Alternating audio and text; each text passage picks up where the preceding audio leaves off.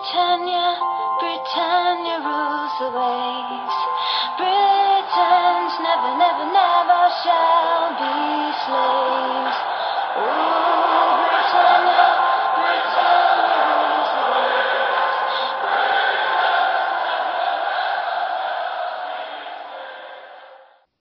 Varmt välkomna till avsnitt 223 utav Svenska FPL-podden. Nu är säsongen över men vi spelar ändå in det här avsnittet med en liten säsongssummering av FBL säsongen 22-23. Vi spelar in tisdagen den 30 maj och eh, agenda, jag vet inte om vi ska säga vi har någon sån, det är lite lösa trådar här men vi eh, ska spana in våra byggen, både hur det gick i Game Week 38 men också lite ja, men summera hur säsongen har gått och hur den har sett ut.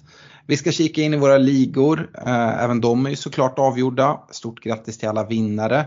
Och eh, vi ska ha en återblick på, på säsongen, kolla lite vilka, ja, vad vi har för minnen, både positiva och negativa minnen från säsongen som har varit och blicka framåt även lite mot säsongen 23-24. Eh, ja, vi är fulltaliga här och eh, Ja, om vi börjar med dig Fredrik, hur summerar vi Eh, säsongen 22-23? Ja, men för egen del så, så summerar väl säsongen, ja men Game 38 summerar säsongen ganska bra. Eh, en, ett riktigt magplask eh, rent prestationsmässigt. Men eh, eh, alltså, det kan ju vara kul att hoppa från sjuan. Liksom. Det är inte så kul att landa på magen men det var roligt i luften.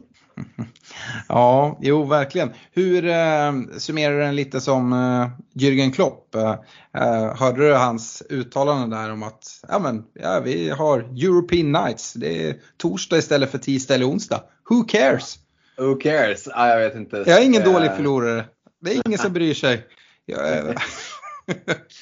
Nej, jag tror att de är oerhört besvikna. Jag tyckte Salas eh, inlägg i sociala medier direkt när det blev klart var väldigt tydligt och bra och eh, ganska värdigt en kapten faktiskt på ett sätt. Eh, att säga bara det här duger inte. Det är för dåligt helt enkelt. Det, det är lite extra roligt att det är Klopp som säger vem bryr sig. Sen så när, vet man att när, det, när match, spelschemat kommer och de spelar torsdag, söndag, vem som kommer vara ute och gnälla på, på hur tajt matchande det är. Jo, men så är, så är det ju. Det, det är väl det enda som, som man hittar på liksom, alltså, och klaga på. Jag, jag, kan leva med att han eh, gnäller en del på det. Eh, när, det, när jag ser brister i andra managers så, så, så, känns det som att jag kan ta det. Ja. Eh, Stefan, eh, mungiporna lite mer uppåt för dig, både FBL-mässigt, eh, både mig och, och, Fredrik, men också Arsenal är väl eh, ett lag som överpresterar betydligt mer än, ja framförallt Liverpool men även United. Ja, nej, men min FBL-säsong är väl lite som, som Arsenals säsong. Man är, man är lite småbesviken att, eh, att inte krypa in i en topp 10K på slutet. Eh, men sett över hela säsongen så eh, liksom 11K, det är, det är jag såklart nöjd med efter, efter några år där det har gått sämre dessutom. Så att, Nej, svårt att vara, vara helt missnöjd, men jag hade väldigt, väldigt gärna klivit in i, i topp 10K där. Mm. Och gällande uh, som, vilka säsonger, det är ingen utav oss är i alla fall Chelsea-supporter. Man ska liksom glädjas åt någonting. Eh, jag uh, såg de sluta 30 poäng uh, bakom vart de var förra året. och det intressanta med det, för jag vet inte om du har spanat in det där också, det är ju att Liverpool faktiskt är 25 poäng sämre. Trots den här liksom starka avslutningen som Liverpool ändå hade på säsongen så är det liksom i, i nivå med Chelsea. Det känns ju ändå som att Chelsea är på en helt egen nivå men Liverpool är inte långt efter det. Jag skulle säga att det, det visar väl också på kanske vilken nivå Liverpool höll när man var som bäst. Eh, då hade man var ju uppe och snudda på 100 poäng ett par säsonger i rad och, och det är det ju faktiskt ingen som är eh, den här säsongen. Eh, den poängskörden man hade där ett tag, ett par år, hade ju räckt till, till guld. Eh, och det gjorde det inte då, för då var City helt ännu monstruöst bättre under en hel säsong. Eh, och det kan man absolut vara lite bitter över. Eh, så. Eh, den sjuka nivån som, som de två lagen höll då, den vet jag inte om vi kommer att och se igen. Kanske någon gång men det kan också dröja för det är oerhört svårt. Det har vi sett den här säsongen att hålla en sån jämn hög nivå över hela säsongen. Vi såg Arsenal som fullständigt var fullständigt bländande första delen och ett City som inte visste hur man inte vann andra delen. Eh, men att hålla den nivån över en hel säsong det är ju typ omöjligt känns det som. Eh, och jag tror att vi kommer se tillbaka på det när vi kommer ännu längre i framtiden och tänka hur fan lyckades man ta typ 100 poäng på en säsong? Eh, kanske inte riktigt 100 men 99 i alla fall. Eh, så att ja, det är ju mycket sämre och det är för att försvarsspelet har varit så mycket sämre framförallt. Centralt defensivt mittfält och försvaret har ju varit totalt katastrof eh, den här säsongen. Det är, det är väl det som är summeringen. Eh, men det är klart att det är notabelt, 25 poäng. Det, det är ju verkligen eh, ett, ett fall neråt. Ja, just när det bara är liksom för en säsong sen. Eh, det är väl en grej och som du säger blicka tillbaka att ni har haft flera säsonger där ni har eh, presterat på en väldigt hög nivå. Men på ett år och det är inte på grund utav ja, men så här, det är inte eh, Ferguson eller Wenger som försvinner som vi har sett i, i de klubbarna. Det är samma tränare och mer eller mindre samma lag. Skulle man väl ändå kunna säga även om Mané, Mané försvann då. Mm. Så är det. det är, och skador har vi haft tidigare också. Eh, mm. Så, så, det är liksom inget som är nytt så. Eh, nej, men man har helt enkelt de här spelarna som vi har vant oss vid tidigare, van Dijk, Fabinho, eh, som har presterat tidigare. De har inte legat på, på samma nivå. Eh, och, och, ja. Det är tråkigt men det är ju så elitfotbollen är idag. Den är ju inte vad den var för 20 år sedan där man liksom tog sig till toppen och så kunde man ja, med lite hårt jobb och, och att talang var kvar i 5-10 år på toppen på ett annat sätt. Idag är det mycket, mycket tuffare eh, på toppen skulle jag säga. Eh, oavsett vad du heter. Eh, så, en sån som Erling Haaland kommer att behöva jobba stenhårt också för att hålla sig kvar i toppen. Eh, det, det, är liksom, det räcker inte att vara så bra som han är och bara slappna av och tänka att nu kan jag det här. Eh, men ligan är för bra, det ser vi ju på lag som Brighton och Newcastle som kommer upp och är hungriga. Alltså, minsta lilla liksom, du släpper mot dem, då hugger de direkt. Eh, mm. Så jag tycker att det är roligt för det gör att det inte blir lika förutsägbart. Det är det som gör att Premier League är världens bästa liga. Det är mycket roligare än, än den trötta jävla Bundesliga där Bayern går och vinner. Eller La Liga för den delen där det bara finns eh, två lag. Så att, nej, det är det som gör att man älskar Premier League. Och jag sörjer ju att vi inte får se Liverpool i Champions League, men jag tycker det är väldigt roligt för typ Newcastle som klubb eh, och för de som håller på det, på det laget att de är tillbaka i CL, att Brighton kommer ut i Europa. Eh, jag tror att det är sunt och nyttigt för ligan att vi har krossat lite det här ah, Big Five, Big Six som fanns innan. Det känns ganska uppluckrat för det här laget. Mm. Eh, innan vi hoppar in i eh, det, liksom FBL-snacket och plockar ner säsongen, hur, hur ser ni båda på, på nästa säsong? Eh, Stefan, eh, har du förhoppningar om att Arsenal ska vara med där och kunna, kunna till och med utmana om titeln här till, till nästa säsong också? Ja, jag vet, det, det, det är väl lite tidigt att säga. Eh, mycket tror jag hänger på transferfönstret här.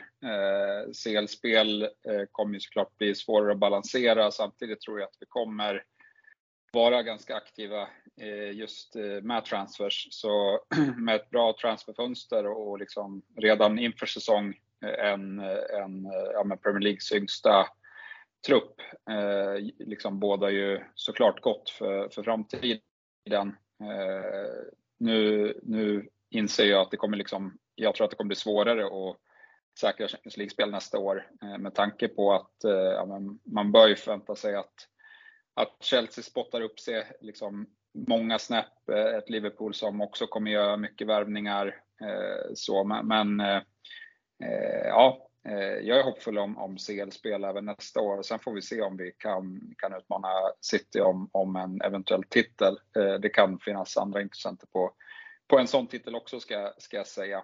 Så vi får se vad som händer med alla transfers och ja, det ska bli riktigt kul och, och när, när, ligan väl sparkar igång här i augusti. Fredrik då, förväntar du dig att Liverpool studsar tillbaka och plockar i alla fall en topp 4 placering och kanske kan vara med och utmana som de har gjort tidigare? Jag förväntar mig att man börjar med att fylla upp så att tröjor nummer 7, 8, 9 och 10 inte är vakanta i truppen. Och när man har gjort det eh, så förväntar jag mig att man Eh, tar en topp 4 placering nästa säsong. Det tycker jag ska vara ett minimikrav. Eh, sen kommer det att bli tufft, precis som Stefan beskrev. Det kommer att vara konkurrens om det. Men det tycker jag någonstans att man kan kräva eh, av, av Liverpool som klubb.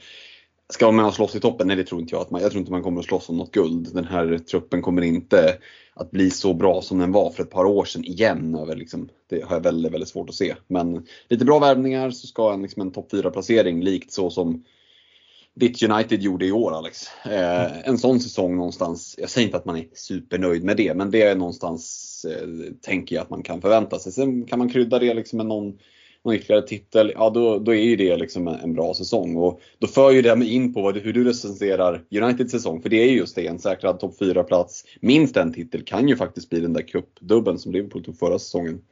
Eh, så hur, hur ser du på Uniteds säsong som var och vad tänker du inför nästa säsong?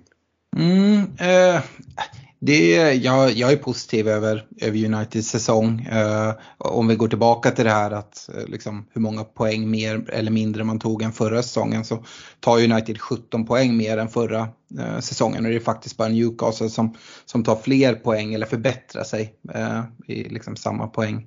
Eh, poäng, poängnivå. De tog 22 poäng mer. Eh, så det är positivt. Det är dessutom eh, Erik Den Hags första säsong eh, och jag förväntar mig att det är någonting man kan bygga vidare på. Samtidigt är det liksom, i United är det oroligt skulle jag säga. Det är den här oklara ägarsituationen som, som jag och många United-supportrar hade hoppats skulle vara liksom redan avklarad här eh, innan vi liksom tog, tog sommarlov. Men det, vi sitter lite där och inte vet riktigt vad som händer med, med Glazers och eh, de bud som har, har kommit in.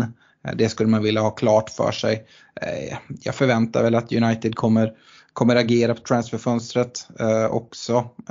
Och ja, men, ser vi fram emot nästa säsong.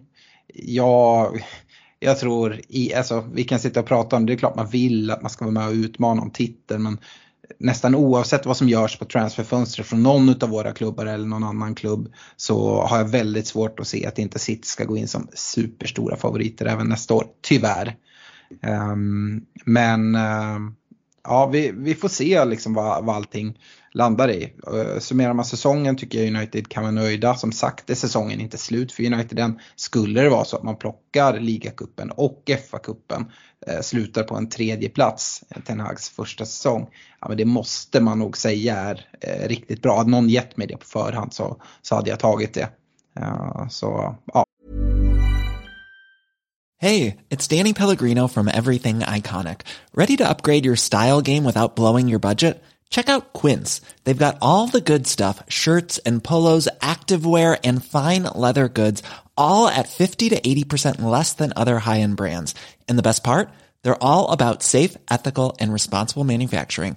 Get that luxury vibe without the luxury price tag. Hit up quince.com slash upgrade for free shipping and 365 day returns on your next order. That's quince.com slash upgrade. Um, det är väl lite så jag summerar Sen måste tillbaka till det Fredrik, för du har pratat om det förut där att det, ni saknar eh, nummer sju, nummer åtta, nummer nio. Men och nummer tio. Ja, men det låter, det låter ju värre än vad det är. Det, ja, ni får försöka hitta en ny James Milner. Det väl bara gå in på liksom valfritt ålderdomshem och liksom plocka någon gubbe. Uh, och det är, det är inte liksom Keita, ja men då får du besöka sjukhuset som ligger bredvid och plocka in någon som, som knappt gör en enda match. Och, uh, Firmino, ja förvisso liksom bra spelare men han har ju heller inte varit någon liksom, avgörande spelare i Liverpools uh, trupp på, på senare tid. Även om det är liksom en fantastisk fotbollsspelare. Så att eh, det är inte era tre, bästa, tre, fyra bästa spelare som har försvunnit. Nej, men det säger också lite om vilka som saknas kan jag tycka. Det, det är ju, eh, alltså vi tappade en Mané och, och mm, där har Luis Diaz varit skadad. Firmino har ju varit kanske den viktigaste spelaren under Jürgen Klopps tid i Liverpool och har inte varit lika bra den här säsongen, verkligen. Jag nämnde eh, eh, van Dijk och Fabinho och där ska ju Firmino in. Han har inte alls varit lika bra och därför inte fått spela lika mycket. Eh, och sen visst, Naby Keita är ju, det är ju kanske Klopps största floppvärvning. Eh, som inte alls blev den där Wijnaldum-typen som man tänkte att han skulle bli. James Milner är väl den av dem som lämnar liksom som ändå är någon form av, av legend. Och nu vet jag inte om det är klart att han går till Brighton. Det vore helt sjukt. Om han, jag tänkte att han skulle avrunda i Leeds, men det, det kanske han inte är så sugen på. Han kanske tycker att han håller en säsong till i Premier League och vill slå ytterligare något, något rekord där. Ehm, men eh, jag tänker i alla fall att det är lite signifikativt för att det behöver förstärkas. Ehm, och det behöver komma in kvalitet. Det behöver inte komma in spelare som plockar nummer 27 eller, eller 23 eller sådär. Det, det kan man ju göra för att det är kul men men det behövs värvningar där någon med självklarhet går in och säger jag ska ha nummer 7 eller jag ska ha nummer 10.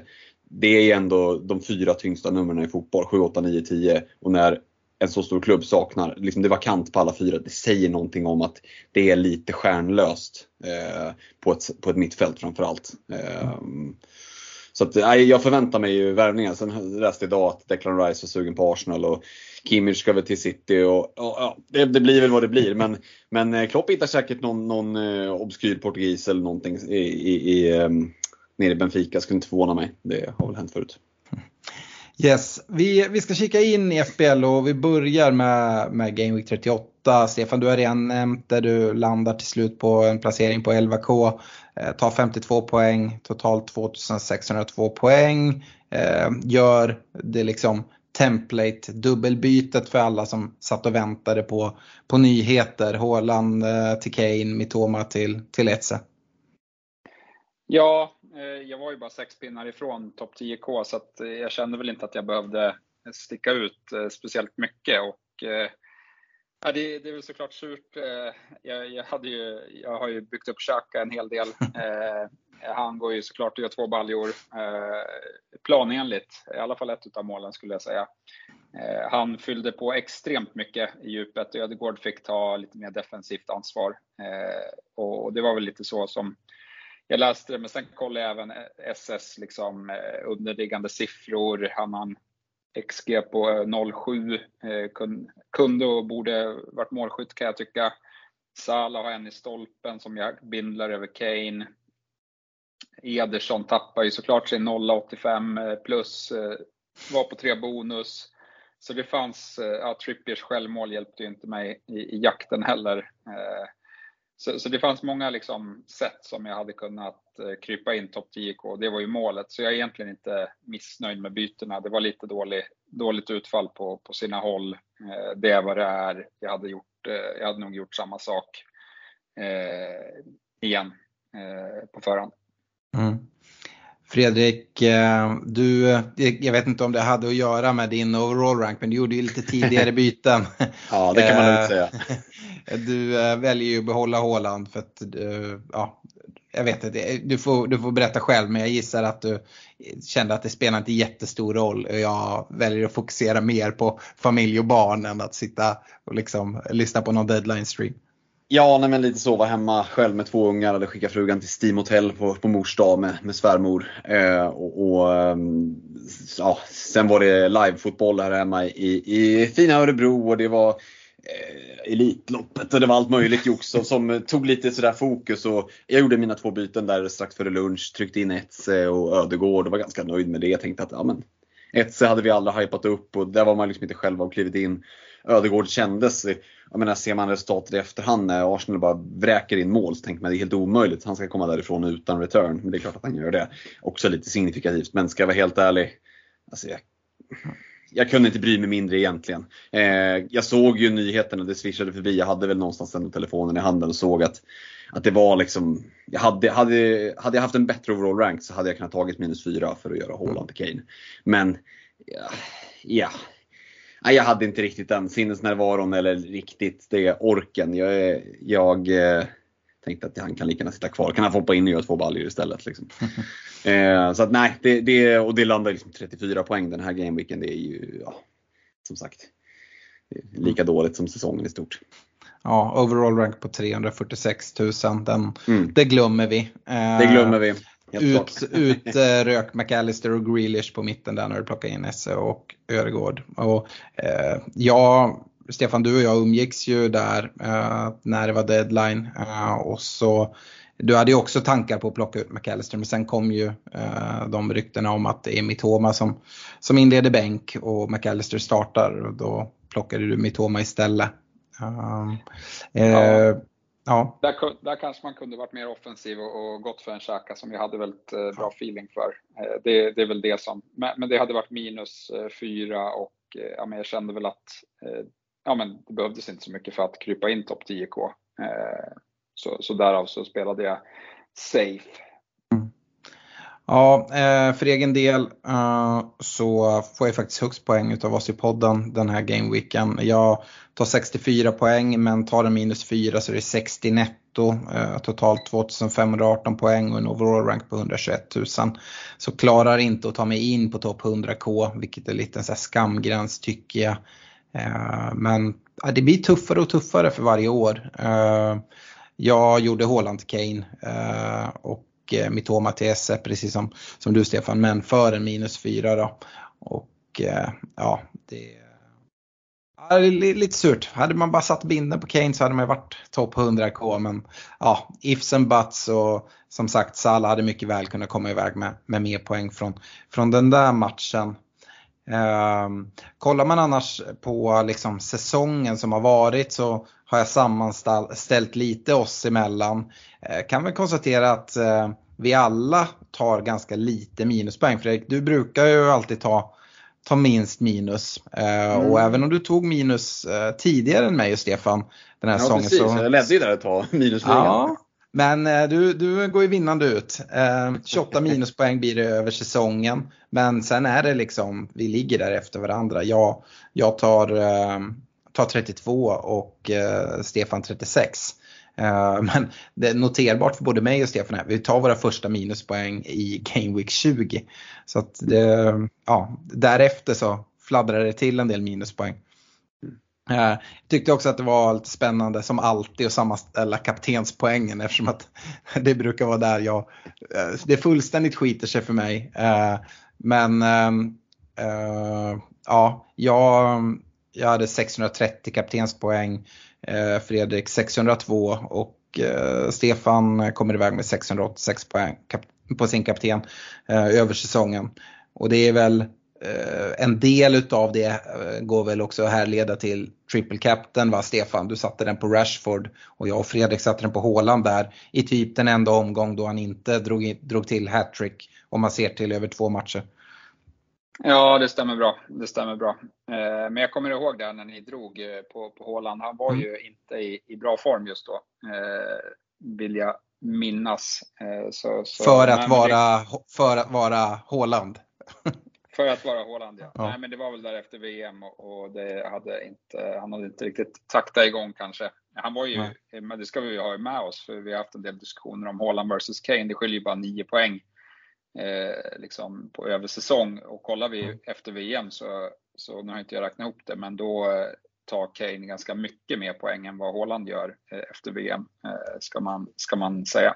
Vi kan ju till och med faktiskt konstatera att Kane tar mer poäng än Haaland om man bara liksom går från Game Week 2 fram till Game Week 38 eftersom eh, Haaland outscorar han rätt rejält i Game Week 1. Eh, det är rätt coolt faktiskt. Ja, men dock ska det ändå sägas då, för precis som en av våra patrons påpekade i, i vårt fantastiska Patreon-community att ja, det stämmer ju det ni säger nu. Men Kane spelar 3406 minuter, det är typ 89 och 50 på klockan varje, varje match. Mm. Haaland spelar 2767. För, för mig är det helt ointressant faktiskt. För att det vet man ju, det får man ju av Kane. Det vet vi också mm. inför säsongen att det får man absolut inte av Haaland. Jag tycker vi fick fler minuter av Haaland den här säsongen än vad jag hade förväntat mig. Eh, ändå. Så att, eh, ja. Jag, jag, hade nog förväntat mig någon eh, ankel eh, på Kane som hade rykt, som hade hållit honom borta lite. Nu har han ju hållit sig skadefri hela säsongen. Och, det... och jag hade förväntat mig muskelskador på Haaland. Ja, fair enough. fair enough liksom. Ja. han har ju ändå matchats mindre eh, i ligan så. Ja, han har bytts ut men han har ju startat i stort sett varenda omgång. Vi höll ju på att prata om att när ska den här rotationen komma? det kommer någon här liksom när ligan var säkrad. Liksom. Ja. Eh, men annars så, nej. Det, jag, jag tycker det är rätt intressant att man liksom har sett till att ja, men, auto kaptenen på, på Håland Eh, och sen så liksom, ja out-kaptenen, alltså man hade kaptenat Håland i Game Week 1 och så Kane i övriga, eh, övriga Game Weeks. Det hade, hade varit rätt fint faktiskt att summera kaptenspoängen då. Ja, ja jag håller med. Eh, det, det, Håland missar ju tre, tre Game Weeks helt och hållet. Ja. Eh, men, men, i övrigt så är det liksom tre, vad hade man fått in från bänken de tre omgångarna? Det, det vet man inte. Mm. Men, men, det är inte så att man hade räknat med några, några monsterpoäng. Mm. i alla fall. Eh, kan, kan, jag, kan jag tro. Mm. Och det hade varit intressant att ha den sammanräkningen före och efter VM för att jag vet att Håland, kollar man bara på hans höstsäsong så var det något helt sjukt vad han ja, ja, ja. gjorde mål. Det var ju liksom ja men det var ju det här mot eh, eh, ja, men 17, 17, 23 pinnar mot, eh, mot United där på hösten. Och, eh, ja, nej, jag tror att det skiljer ganska mycket faktiskt mellan Holland och Kane efter VM. Ja. Ehm, sen så kollar jag en liten kul grej jag fick fram här. Man kan se eh, hur många spelare man haft från respektive lag under säsongen. Stefan, eh, det är ett lag du inte har ägt en enda spelare från under säsongen. Vet du vilket lag det är? Eh, fan, nu har jag inte ligan framför mig här. Eh, vem kan det som inte ägt någon? Jag har ju haft Everton-gubbar. Eh, jag har haft Solanke. Jag har, har jag haft någon Forest-gubbe? Nej, jag säger, jag säger Forest ändå. Nej, det är tokjumbon Southampton. Eh, Ah. Ja, Jag har inte heller haft någon från Southampton. Eh, Fredrik har varit ännu hårdare än så. Det är faktiskt tre klubbar. Southampton är en utav dem. Kan du plocka de andra? Lite oväntat ändå. Oh, ja, Forest lär väl vara en av dem i så fall. Ja, det är det. Eh, Sen blir det ju klurigare alltså. Eh, vad kan det mer vara för? Du har rekat spelare från det här laget vid upprepade Ja. gånger kan jag säga. Frågan är om jag varit inne och tassat någonting på Everton. Jo men det var jag hade ju den där jävla eh, backen i början där. Jag har nog aldrig haft någon i West Ham. Det stämmer. Mm, Ja. precis, för Cresswell var ju skadad där i början. Och sen Mm. så Bo- Bowen har jag varit inne och petat på men, men Ja. Ja, det är lite spännande. Eh, en annan sak som, man blir ju lite så här knäckt när man kollar på det här. men jag ser ju så här sjuka grejer, alltså lite så här highs and lows från en säsong. Jag har kollat, eh, vet ni hur många eh, straffmissar jag har från mina spelare den här säsongen? Fem i alla fall. Fyra stycken. Fyra. Mm. Det är tung alltså. Stefan har en. Eh, och du har tre. Eh, så att, eh, ja, men lite kul ser man hur att- många att straffar kolla det man har där. fått då? Ja, man, har, man kan se hur många eh, räddade man har eh, haft på sin målvakt. Och där sticker ju såklart Fredrik ut med sina Ja, två räddade absolut. straffar. Eh, minns du dem? Eh, Jason Steele vill jag minnas på en, en benchboost. Ja. Eh, den glömmer man inte. Nästan i klass med Fosters som jag hade förr, förra året på en benchboost också. Eh, jag har för mig att jag satt och snackade med fantasy-rektorn om att han också plockade in. Det är gamla fina FPL-minnen. Det är de man får rota fram när, när, eh, när, när de nya siffrorna är för dåliga.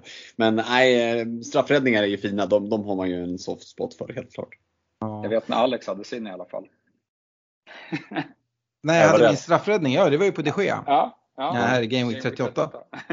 Just det. Eh, Det är, ju- det är också helt sjukt att man får en straffräddning på de Gea. Man hade ju Ja. redan räknat ner. Det var, det var skönt att det var Mitrovic som, som ställde sig vid straffpunkten. För det väl, jag tror inte det är någon som har, eh, har missat fyra straffar på en säsong eh, innan. Han har inget bra strafffacit den här säsongen. Ehm, annars då, har ni några så här highs and lows från säsongen? Jag har ju det, det tydligaste någonsin på Glenn-eventet uh, nere i Göteborg. När Allt liksom, faller. äh, allt skiter sig för Ghana. När liksom hela, alla servrar ger upp och man inte kan göra byten. Och jag sitter med, med binden på Cancelo. Eller jag, jag, gör, jag lyckas ju få till, jag, jag vet inte när, när, när, när, när deadline är slut så har jag ingen aning om eh, det jag gått igenom. Jag kunde inte göra något byte vilket jag var vansinnig på. Eh, och jag trodde inte jag kunde ändra kapten. Eh, men kaptensbytet hade såklart gått igenom till Cancelo och så kommer det röda kortet tidigt i första halvlek. Ett rött som jag tycker dessutom är helt felaktigt. Eh, och sen så var det rätt på spriten. Eh, så uh, Ja, det var ju, för den som inte var där Alex, eh, så var det ju något- någonting speciellt att bevittna. Först att du och jag podd, livepoddade i, i Sveriges minsta kontor. Eh, eh, tillika genomgång in till personaltoaletten. Eh, och när vi hade gjort klart det och kom ut sen och det började närma sig deadline. Och allt faller och du försöker få ner appen för ingen av oss är någon fan av appen. Man ska ju säga det att ni som jobbar med appen, jag fattar, jag fattar faktiskt inte vad ni ser i den. Utan jag jobbar ja. ju i, i, webbläsaren i telefonen tycker det funkar mycket bättre. Men, så ingen av oss hade ju ens appen nedladdad. Och så var man tvungen att dra ner den och in här. Det var smått panik. Så ett, ett tag så lämnade du bara, du bara gick ut. Ja, ja men det, man, man, är på ett så här lyssnarevent, folk kommer fram och vill snacka med en. Så här, börjar närmast ställa, så här, äh, inte nu, jag måste bara härifrån ut och liksom få lite syre och skrika. Nej, jag var så jävla arg. uh, det, alltså det, är, det är nog min, en av mina värsta stunder liksom i, i FBL sen jag, sen jag började spela. Uh, och Eh, ja, det är eh, helt galet. Har ni, har ni kanske, det är svårt att slå mig på fingrarna där med något värre, men har ni något sånt minne från, från säsongen som har varit som antingen positivt eller negativt? Ja, men, eh, personligen så triple captain på Rashford det satt ju som ett smäck i Game Week 22. Och annars var det väl liksom det som vi även tipsade våra lyssnare om att dra wildcard i Game Week 26 som, ja, men som gjorde att min säsong förändrades till, till det bättre med åtta, åtta raka gröna pilar efter, efter det och, och liksom gjorde att jag fick läge på att hugga på på topp 10K eh, den här säsongen. Ja. Fredrik, ångrar ja. du att du inte hakat på den? Eh, nej, ja, det är lätt med far, ut, ja, med utfallet sådär. Men jag tyckte inte mitt lag var riktigt uppbyggt för det. Och jag har en ganska tydlig, mm. eh, tydlig eh, egen liksom, sådär moment. Det är Game Week 34. Eh, då landade jag på 143 poäng den gameweeken. Eh, och i matchminut 98 så sitter jag på 157 poäng. Eh, och när man är med i en del sådana här cashligor som vi är så är det en hel del av dem som har avsatt 10% av potten till den med högst score i en Gameweek. Och, ja, men vi vet ju bara i, i Glenligan till exempel så är det ju typ 7 500 på Elgiganten. Ja, det, det, hade, det hade trillat in rätt många Dineros på kontot om de där 157 poängen hade stått sig. Kanske, vad vet jag, det kanske att någon sjuk jävel med ännu mer poäng. Det kändes så i alla fall. Eh, för jag har en del ligor där jag typ delade eh, säsongsvinsten på 143 poäng. Eh, och det är ju jättebra i efterhand, men 157 i 98 minuten med 6 övertidsminuter och så blir det en jävla straff. och, och ja, så ironiskt nog så är det liksom gör att United torskar. Så att, ja, det var liksom det var ju ödets ironi på något vis. Eh, men för mig är det, det är mitt, eh, det är mitt eh, allt skiter sig för Ghana moment från den här säsongen, helt klart. Ja, herregud. Ehm, folk som har nog mest minnen från highs den här säsongen, det är om vi kikar in vilka som hamnar högt upp i, i ligatoppen. Och om vi börjar med vår, vår poddliga, så stort grattis till, till alla som som lyckas ta sig in på prisbordet där. Det var ju pris till, till topp 10 och eh, ja, men, eh, ni som har kommit topp 10 får jättegärna höra av sig. Jag har börjat eh, försöka söka eh, några utav vinnarna eh, och då är det lite enklare med folk som inte heter Anders Andersson eller sådär. Eh, till exempel Dominik Strankvist som, som plockar hem poddligan på eh, hela 2687 poäng. Eh, var ju enkel att få tag på. Eh, men det är, det är några stycken där som fortfarande inte fått tag i så ni får jättegärna höra av er till oss antingen på Facebook eller mail funkar ju också. Svenskafpl.gmail.com heter vi där. Eh, men Dominic, eh, han eh, gick ju och plockade hem det. Det var ju ett presentkort från Olka Sportresor på 5000 kronor som som var liksom huvudpriset. Sen så är det även våra vänner på Glenn Sportsbar som skänker presentkort. Det på ja, värde på ungefär 750 spänn på burgare och, och bärs och shuffleboard och, och så. Och sen så Eh, är det väl också ett merchpaket eh, som jag vet att jag skickade iväg till Dominic här eh, om det var tidigare idag. Eh, så från, från Netshirt eh, köper man ju eh, vår merch. Eh, annars så har vi ju eh, fina priser från, från övriga partners. Vi har eh, spelade ut några presentkort från unisportstore.se på 1000 kronor styck. Vi har presentkort på 500 kronor hos nakata.se.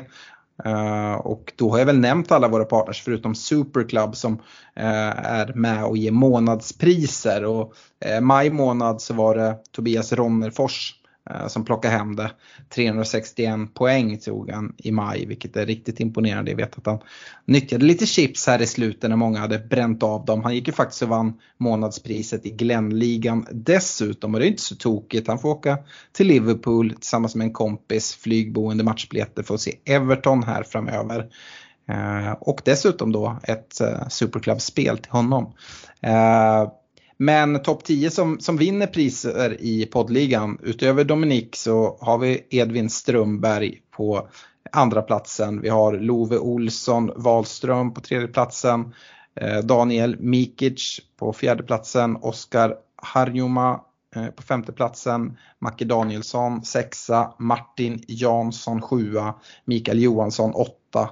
Joel Erkas nia. och Johan Nordeus 10. Eh, riktigt starkt jobbat utav er.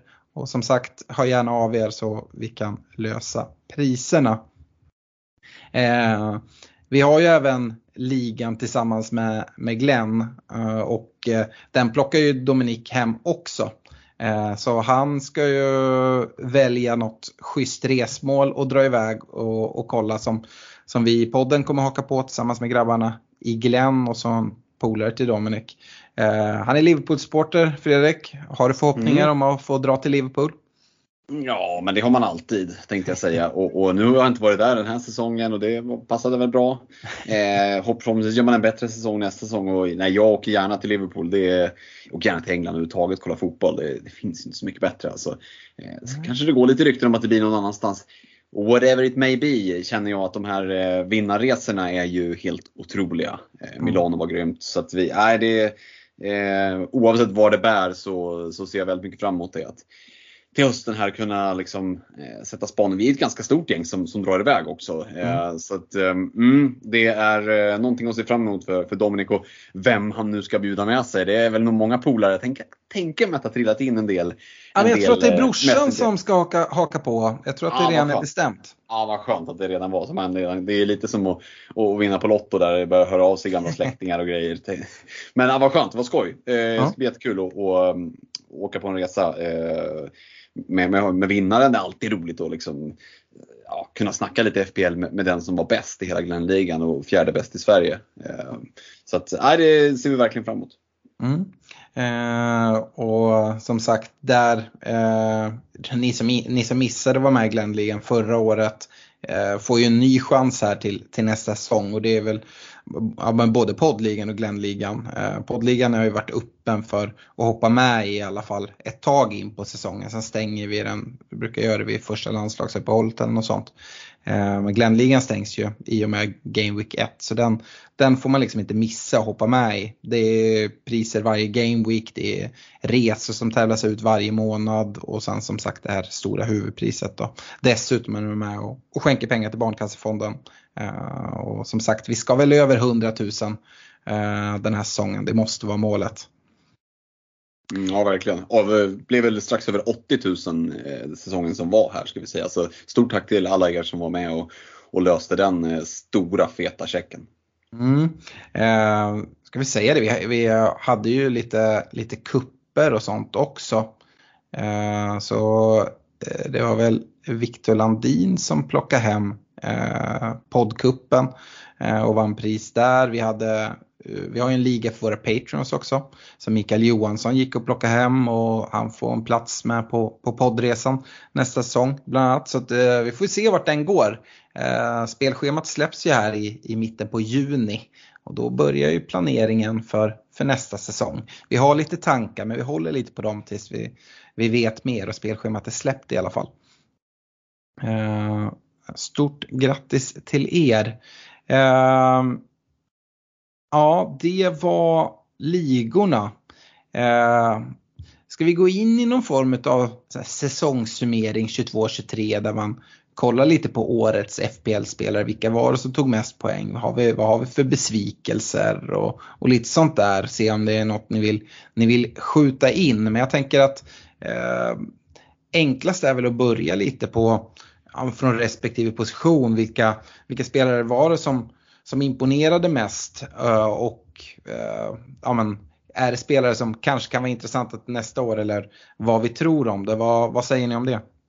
Shoot. Det låter bra. Eh, på målvaktssidan, det kanske är den minst intressanta grejen att kika på. Eh, men det är ju Raja i Brentford som går och plockar mest poäng eh, med sina 166 eh, pinnar. Målvakter, det skiljer ju ganska lite mellan dem poängmässigt. Brukar ju göra det. Så länge man inte väljer Ederson, eller vad, vad säger du Stefan? Ja, det är också en stor anledning till att jag missat topp 10K. Eh, hade ju kunnat dra minus 4 i precis vilken vecka som helst så hade, hade jag varit eh, topp 10K istället för att ha den där jävla Ederson i kassan. Ja, det, är, det är ju liksom om man ska utse någon Det- pokal det för liksom årets trollspelare så är han ju verkligen, han, han passade bra in i snegungan tycker jag. Ja, alltså det är Luka Ding gånger två. Eh, det är fan aldrig mer att jag ska ha Ederson i fantasy. Jag kollar på det Det spelar ingen här. roll om man har fyra matcher en jävla game week. Jag ska inte ha honom ändå. Uh, 121 poäng blev det för Ederson uh, och points uh, per match blev 3,5 uh, jämfört då med de allra bästa. Så Raya och Allison snittar 4,4 per match. Så det låter som att ja, det var en poäng per match men ja det är 38 poäng över, över en säsong. Det var ju även att de här dubbelveckorna när man plockade in Ja. för, då blev han ju ändå outscorad av eh, Raya som hade en match och Kepa som hade en match. Så det var ju liksom bara pengar, eller poäng och pengar och byten i sjön. eh, Helt Mm. enkelt. Eh, Faktiskt den målvakt som hade bäst points per match är faktiskt Henderson som var utlånad till Forest. Eh, Men han missar ju halva säsongen eh, på grund av skada. Men får vi se vad som händer där. Han ska väl tillbaka till United. Men ja, jag vet inte. Det är lite osäkert där. De Geas kontrakt går ut i sommar. Och han har ju en sjujäkla lön som United inte alls är intresserade av. Så de har ju gett honom något kontraktserbjudande där de i stort sett halverar hans lön som han inte riktigt vill skriva på. Så att, eh, United kikar lite på målvaktsalternativ. Jag vet inte om Henderson skulle kunna vara ett eller om det ska köpas in någon. Det får vi väl se. Det ryktas om någon Raja va? Gör det inte det? Ja, det, är- det är Manchester United-supporter och silly season, det är ju alltså, det, det mest vidriga som finns. Det ryktas ju om exakt varenda jävla målvakt i hela världen känns som. Precis som på övriga positioner också. Jag, jag ger inte så mycket för dem där. Men, men Brentford har väl eh, tagit in, jag tror de har värvat en, eh, gjort klart med en ny målvakt faktiskt. Eh, så att eh, Raja ska väl säkert röra på sig, det är en duktig målvakt. Eh, och jag skulle tro att Ten Hag vill ha någon som är eh, bättre på fötterna än vad det sker är och också liksom lite mer kan äga sitt, sitt straffområde. Eh, de Gea är ju en fantastisk linjemålvakt och eh, men har ju stått oerhört länge i Manchester United och gjort väldigt många matcher där. Men eh, eh hans straffområdes närvaro är väl sådär eh, kan jag tycka. Eh, Finns väl inte så mycket att säga om målvakterna. Eh, en målvakt som inte liksom letar sig in i liksom topppoängen det är ju Raja, Alisson, David de Gea är de tre målvakter som tar mest poäng.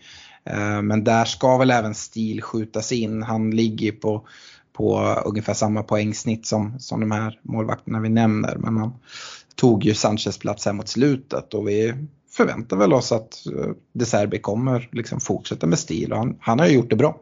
Mm. Eh, Sen lär han ju eh, vara lite upprisad till nästa säsong så att det, det, det, finns inte så mycket anledning att prata om vilka målvakter man kikar mot nästa säsong. Det behövs komma någon prissättning. De gjorde ju faktiskt för första säsongen en, en liten, liten förbättring där de sänkte priset på men, toppmålvakterna, eller la, målvakterna i topplagen i Allison och Ederson hoppar väl ner 0,5 mot vad de brukar vara på. Eh, De skulle gärna få fortsätta. Stefan, vad tycker du är en rimlig prissättning på Ederson? Vad, vad ska han kosta för att locka dig här till Game Week 1 för nästa säsong? Tre- 3,5 kanske. Ja, ja vi, vi får se där. Jag, jag hoppas att de fortsätter att prisa ner dem lite grann faktiskt. Eh, Sen så ska man säga det, Allison. Eh, jag vet inte, jag tror jag skulle sätta honom om jag skulle, jag har inte plockat ut något årets lag. Eh, Då pratar jag inte fantasymässigt utan ett årets lag. Eh, Så, tror jag faktiskt att jag skulle sätta Allison där. Jag tror att han är eh, faktiskt en av de stora anledningarna till att ni ändå kommer femma. eh, det och får spela i Europa överhuvudtaget. Ja men det är överlägset eh, vår bästa spelare och jag har sett en del eh, här, ja, men, så kallade pundits eller eh, experter som har tagit ut lag och, och jag såg honom någon så här säsongens flopp 11 och det var det mest sjuka jag någonsin sett. Jag tycker att han har varit, ja. Eh, okay. jag, jag, jag, jag, håller med, jag tycker att han har varit Liverpools bästa spelare och ja, summerar man målvakten, det är bara de Gea tror jag som håller fler nollor men de Gea har ju gjort en del tavlor också så att nej, Alisson är ju säsongens målvakt för, för min del i, i Premier League. Mm. Um, kikar vi in på försvarare så tycker jag det finns ganska tydligt vem som är eh, årets försvarare. Alltså FBL-mässigt definitivt men kanske också för liksom eh, hela eh, alltså om man kollar fotbollsmässigt. Eh, Trippier sticker ju ut något enormt. 198 poäng tar han eh, den här säsongen. Eh, och det är ju dels med hans offensiva poäng och hur bra han liksom samlar åt sig bonus men också Newcastles sätt att liksom hålla nollor, framförallt första halvan av säsongen och på hemmaplan. Eh, summerar man liksom de, de försvarare som tar mest poäng så alla fyra Newcastle-försvarare är eh, liksom topp 9 av alla försvarare i hela spelet. Eh, men Trippier med sina 198 är såklart liksom etta där.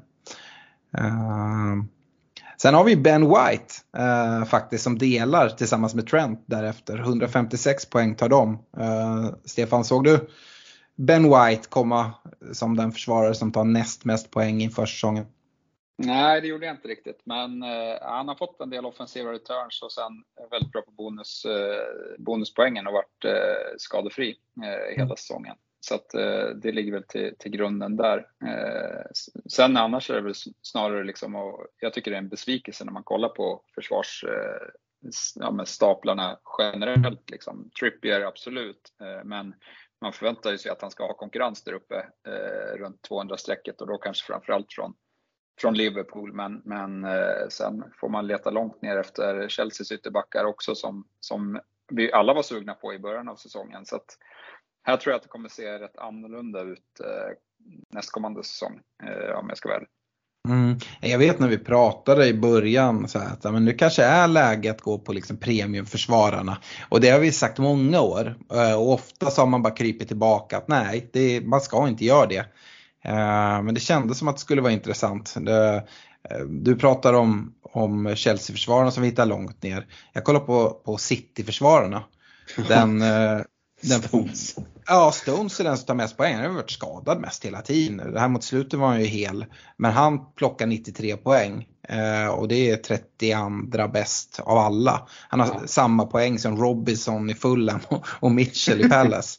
eh, så man hade väl förväntat sig att Cancelo skulle finnas där. Eh, men han vinkar vi av här mitt i säsong. Och ja, det är jäkligt, jäkligt oklart skulle jag säga. Eh, jag tror få som hade gissat att ja, med Ben White och eh, Ben Mi skulle ligga liksom topp 5 eh, på de som plockar mest poäng över, över säsong när vi, när vi satte igång till exempel. Eh, och vi, även om Trent plockade 156 poäng så även där hade man ju liksom eh, betydligt högre förhoppningar om poäng måste jag säga. Eller vad, vad säger du Fredrik? Ja, men med två säsonger i alla fall tidigare över, över 200 poäng så ska han ju vara uppåt 180-190 för att det ska vara någon form av godkänd FBL-säsong. Eh, det är ju nu framåt slutet som det har ordnat till sig lite och kommit lite offensiva returns. Eh, men eh, ja, vi får se. Det, det kommer hända mycket i sommaren och, och eh, ja, kanske är det nästa år som det är premiumbackarna. Jag vet inte. Många av de här premiumbackarna har ju en tendens att gå sönder. Mm. Eh, är ju känslan. De är sjukt sköra i baksidorna. Ehm, och ja, det är dig Reece James jag tänker på. Ehm, för Chilwells del är det kanske med knäna som spökar. Men, men, det känns som att de, de, och det kanske är just för att de är i många fall ytterbackar, de har mycket maxlöpningar eh, jämfört med kanske en innermittfältare på ett annat sätt. Eh, eller en mittback för den delen. Eh, så det är väl kanske finns någon någon kausalitet däremellan, vad vet jag. Eh, men men käns känslan är ju att de är skadade titt som tätt. Eh, mm. Och, och, det är väl därför de inte har det. Sen har de inte varit jättebra i år heller. Liksom. Men, men som Reece James har ju knappt ens fått, fått chansen. Eh, och, och liksom spela till sig bra. Sen i de få matcherna han fick chansen så tog han den ju inte. Eh, mm. Chilwell kanske ännu mer att han inte fått chansen utifrån att han varit skadad. Så jag tänker att vi inte får döma dem för hårt heller utan förhoppningsvis kan de, eller förhoppningsvis, men jo men ur ett rent FPL-perspektiv så gillar vi ju backar som tar mycket poäng. Och nu var väl Pochettino klar för Chelsea, eh, presenterad mm. och sådär. Eh, ja, han har ju lyckats förut eh, och, och få spelare att prestera. Så att, eh, det blir ju spännande ur ett FPL-perspektiv att följa säsongens stora eh, besvikelse som lag, Chelsea. Eh, mm. Och det finns ju en inneboende potential som är helt sjuk där. Och eh, just prissättningen, vi ska inte spekulera för mycket men det är klart att jag har svårt att se att de kommer att prisa upp Chelsea-tillgångarna. Det kan de inte göra efter den här säsongen. Och skulle de få lite snurr och lite flyt på det, då skulle Chelsea nästa säsong, rent hypotetiskt, kunna vara årets Arsenal där det är jättemycket underprisade mittfältare till exempel. Det känns som ett minfält att kliva in i till Game Week 1 och det känns ja, ja nej, det, det kommer man inte göra. Men, men eh, nej, eh, det skulle kunna bli om, om Pochettino får riktig ordning på det då. Ja, absolut. Nej, men kollar man på både Chilwell och James och liksom tänker att ja, de har missat mycket på grund av skador. Men även om man går in och kollar points per match så liksom ligger de ganska långt ner. Och liksom både Thiago Silva och Koulibaly ligger faktiskt före dem om man kollar points per match. Och de har inte gjort kanonsäsonger de heller på något sätt. Så att, äh, det, är, det är en besvikelse tycker jag på försvarssidan. Verkligen. Um, och Andy, Andy, Andy Robertson ska inte heller komma undan skåp av sleven. Nej, det ska han inte. Vad, vad, du, vad vill du säga Stefan? Nej men eh, lite kring Trent där, det, han var ju också liksom en eh, überbesvikelse ända tills eh, mm. han ändrade position mot, eh, mot Arsenal och, och snickade upp och liksom delade andra plats på, på försvarssidan. Men håller man bara från, från den punkten när han eh, flyttade upp som, som eh, mittfältare där så eh, ja, men därifrån så måste han ha varit den som har tagit mest poäng känns det spontant som. så att ja, det, det, blir också intressant vad, vad de prissätter Trent eh, nästa säsong. Ja, alltså gör de så att, alltså egentligen, det är så här, vi ska prata lite om eh, nästa säsong. Men Trent är en sån spelare som jag absolut ser mig starta med nästa säsong. Nästan oavsett hur de prisar honom. Jag har svårt att se att de kommer prisa upp honom. Han startar väl på 7,5 i år. Ehm, och Eh, jag, jag, tror inte de prisar upp honom. Eh, frågan är om de till och med sänker honom. Jag hoppas inte det.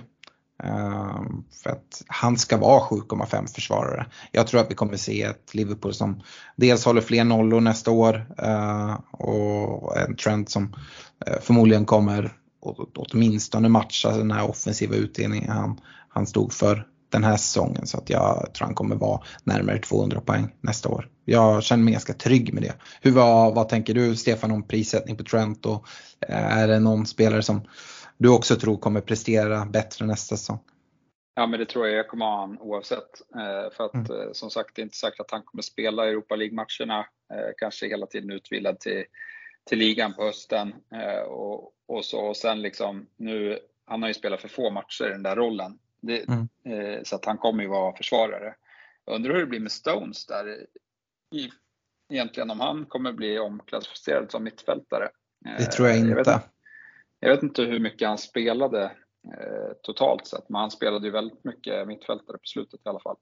Ja, men jag, jag, tror, jag tror ingen av dem kommer vara, vara omklassificerade, vi får väl se. Men som Trent till exempel, han har ju dessutom en utgångsposition som, som ytterback. Det är ju att han går in. Eh, och liksom eh, byter position. Det, så att ja, jag, jag, vet inte. Men jag, jag, jag har svårt att se att de ska klassa om varken Trent eller Stones. Hiring for your small business? If you're not looking for professionals on LinkedIn, you're looking in the wrong place. That's like looking for your car keys in a fish tank. LinkedIn helps you hire professionals you can't find anywhere else, even those who aren't actively searching for a new job but might be open to the perfect role. In a given month, over 70% of LinkedIn users don't even visit other leading job sites. So start looking in the right place. With LinkedIn, you can hire professionals like a professional. Post your free job on linkedin.com slash people today. Everyone knows therapy is great for solving problems. But getting therapy has its own problems too.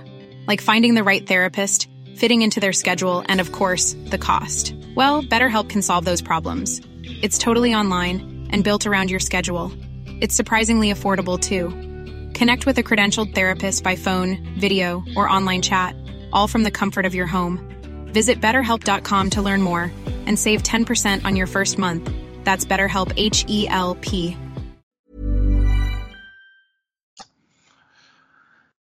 Um, på, på mitten, uh, den mittfältare som tar mest poäng även i år trots en total fiaskosäsong är Mohamed Salah.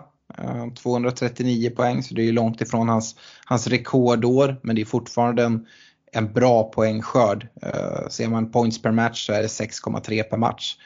Uh, det är ju det är inte kattpiss på något sätt. Nej, det, det är bara att, vad blev det, 19 plus 11 eller vad, vad blev det i, i, bara rena stats och sen kan du mm. säkert lägga till någon, någon ytterligare en fantasy assist kanske. Um, nej, det är ju imponerande. Uh, och, ja, det är, hur prissätter de honom nästa säsong?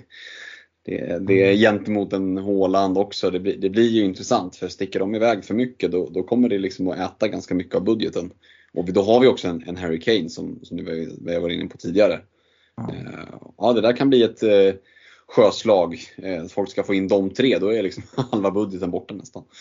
Ja men det hoppas jag att det ska vara jäkligt svårt att få in de ja, tre. Absolut. Eh, men jag, jag, tror, jag tror inte de kommer höja upp Sala. Eh, det är bara spekulation. Men jag, jag tror han startar på 12,5 va? Mm. Förra säsongen. Ja, det är troligt att han kan ligga kvar där. Eh, Håland lär väl höjas upp och sen får vi se om Kane är kvar i Spurs. Eller om han har bytt engelsk klubb eller bytt klubb helt. Eh, det kommer ju också påverka priset om man spelar i Spurs eller eh, om man byter klubb i, i England så är det väl framförallt United det har, har pratats om. Eh, svårt att se att Levi kommer liksom spela oavsett bud släppa honom till United. Men i så fall, går han till United kommer han ju definitivt prisas upp. Men han borde ju stiga till och med i det här klappusla Spurs. Mm. Haaland bör ju stiga i pris. Han, han var ju för billig redan ja, det som det var. Men sen brukar de också vara försiktiga med första säsonger. Uh, så att uh, ja, jag, jag uh, frågan är hur mycket de höjer upp honom. Eh, det kan nog bli 13. rätt mycket. 13? Ja, alltså, jag, tror att han, jag, tror, jag tror han kommer vara dyrare. Mm. Det är min känsla. Eh, men vi var på mittfältare, Sala som sagt 239 poäng tar han. Eh, därefter Stefan hittar vi en, en Ödegård på 212 poäng som också gör en ja, men helt, helt briljant säsong. Och jag vet inte om ni har haft någon utsett årets spelare i Arsenal men det måste väl blivit Ödegård den här säsongen? Ja, sett över hela säsongen så blir det nog det. Eh, alltså som eh, Saliba hade kan, kanske kunnat varit ett alternativ men han har ju varit borta eh, alldeles för länge på slutet. Eh, och, och Saka tappar formen eh, rätt rejält på, på slutet. Så att, nej, det, får, det, är nog, det är nog den spelaren. Eh, mm. som, men, men det är ett koppel av spelare där och alla är billiga i, i både Ödegård, Saka, Martinelli och, eh, och Rashford. Då. Eh, mm. Och det, är väl, det är väl bland dem som jag tycker att eh, säsongens mittfältare ligger. Eh, sett mm. till att Salah ändå kostar liksom 12,5-13 miljoner. Håller helt med. Så, så fick man de här spelarna för eh, mellan, mellan 6 och 8 miljoner istället. Eh, och, och de eh, är inte långt ifrån att matcha en, en Mohamed Salah. Men det, det konstaterade vi väl redan innan säsongen drog igång också att liksom prissättningarna här, alltså prissättningen på Martinelli var ju helt galen. Saka var vi också inne på, även fast han var upprisad. Ja, av de här så var ju han den, den dyraste. Men att även där var kanske lite lågt. Och Rashford var ju också sådär, men konstigt, jag tror de hade lite lurigt sätta prissättning på honom. Eh, med hans off-season där som var helt, eh, men ja, eh, jag vet inte. Visst startar vi allihopa säsongen med Rashford och Martinelli väl? Mm. Eh, ja, jag tror det. Men Rashford kom väl i, han var väl inte speciellt bra eh, första, första delen av säsongen. Han kom väl igång framförallt efter VM. Mm. Ja, inte så bra är väl, uh, vet jag inte. Men uh, han, han, han hade ju en fin, fin säsong. Men det var, det var ju ett tag där inne då han liksom var inne i sånt stim så att ja, ingenting liksom kunde, uh, kunde stoppa honom. Ja, men innan VM så blankade han sjukt många matcher. Eh, så att, eh, det, var, det var en match mot Arsenal som stack ut. I övrigt så var det eh, mest blanks innan, innan VM. Ja. Så det var framförallt efter VM som, som han taktade igång ordentligt. Mm. Uh, ja, uh, här kommer vi få se värdeökningar kan jag säga. Uh, på ja, men, både Ödegård, Rashford, Saka, Martinelli. Eh, det känner jag mig väldigt, väldigt trygg med. Får se, så här känns det ju varje gång när man avslutar säsongen att de kommer höja allting och hur ska man få, få råd med ett lag. Men, eh, eller hur Stefan, vi kommer se, se värdeökningar här. Det kommer vi garanterat göra. Eh, sen någonting jag noterar är ju, Brighton var ju det andra liksom, utropstecknet, mm. men, men eh, när man kollar på poängskörden så, så är det Pascal Gross som, som tar mm. mest poäng. Det är, det är, lite oväntat. Och sen är det faktiskt eh, en Solly March som, som ligger två och så får man gå ganska långt ner innan man hittar McAllister och Mitoma. De, de tar ju runt 140 poäng så men eh, ja, det, det blir, dels så kommer Brighton bli bli eh, sönderköpta och sen får vi se vad de prisar Brighton-mittfältarna som var så populära på slutet här till. Eh, det var väl mest att de var så budgetvänliga som gjorde att alla hade dem eh, mm. här i år. Man ska säga det att Mitoma gjorde sin första 90 minuter i Game Week 17. Så att han har väl mm. lite, lite Game Weeks att falla tillbaka på. Skulle han få en hel ah. säsong? Jag tänkte säga att det, det, är en liten missuppfattning. För kollar man points per match så är faktiskt både Gross och March bättre än Mitoma även där. Om man kollar points per match. Eh, så March tar 4,5 eh, per, per match och Mitoma 4,2. Eh, och Gross där mittemellan. Så att, ja. ja. Men det är inte, det är, det är, alltså, du får ju, gör du ett inhopp på en minut så räknas det, som en match. Så att, ah, det är klart att det är bättre att vara startspelare. Ja. Uh, han, kom ju, han kom ju lite från ingenstans. Det var ju ingen, det var ingen av oss som hade hört talas om honom innan säsongen började. Nej, nej, nej verkligen inte. Uh, de ska också bli spännande se prissättningen. Hur fan ska de prissätta Brighton-fältarna? 6,5, 7, 7,5? Ja, och du vet. 7,5 är för dyrt. Ja, men det, det är lurigt alltså. Och sen får vi se som sagt vad som händer på transferfönstret. Vi förväntar väl oss att McAllister försvinner. Eh, mm. Eh, kanske även Caicedo. Mm. Uh, och ja. Uh, det där är lurigt. Dessutom ska de utspela i Europa och börja dubbla. Uh, ja. Förvisso Europa League och sådär men för en klubb som Brighton så, så kommer det att påverka. men jag tycker det är intressant mycket med prisen. Det är samma Newcastle Eh, spelarna och framförallt försvararna, hur de ska prissättas. De kommer också behöva stiga i värde och de ska utspela Champions League. Ja, det, det här kommer vi behöva prata upp eh, inför nästa säsong. Det har jag ju det redan finns, nu. Det finns i alla fall en spelare som vi vet med 100% säkerhet att de kommer att sänka i pris. Och det är att Jong Min Son kommer inte kosta 12 miljoner. Eh, med 152 mm. poäng. Eh, det, det, vågar jag lova att han inte kommer att göra. Frågan är bara hur mycket de har balls att sänka honom. Eh, hoppas att de har mer cojones än vad jag tror att de har för att det, det är så tråkigt när spelare är alldeles för utprisade och för dyra. Tyckte han var redan innan liksom, på 12 miljoner. Och, ja, men vi har ju varit inne på det under säsongen, han har varit dyrare än Kane. Det har ju nästan varit ett skämt. Liksom. Ja. Sen har han ju gjort en väldigt dålig säsong också. Men, men eh, kanske säsongens mest felprisade spelare. Mm. Ja. Sett till prestation. I alla fall säsongens största flopp på mittfältet. Eh, det ja. kan vi väl slå fast. Eh, ja, lite, verkligen.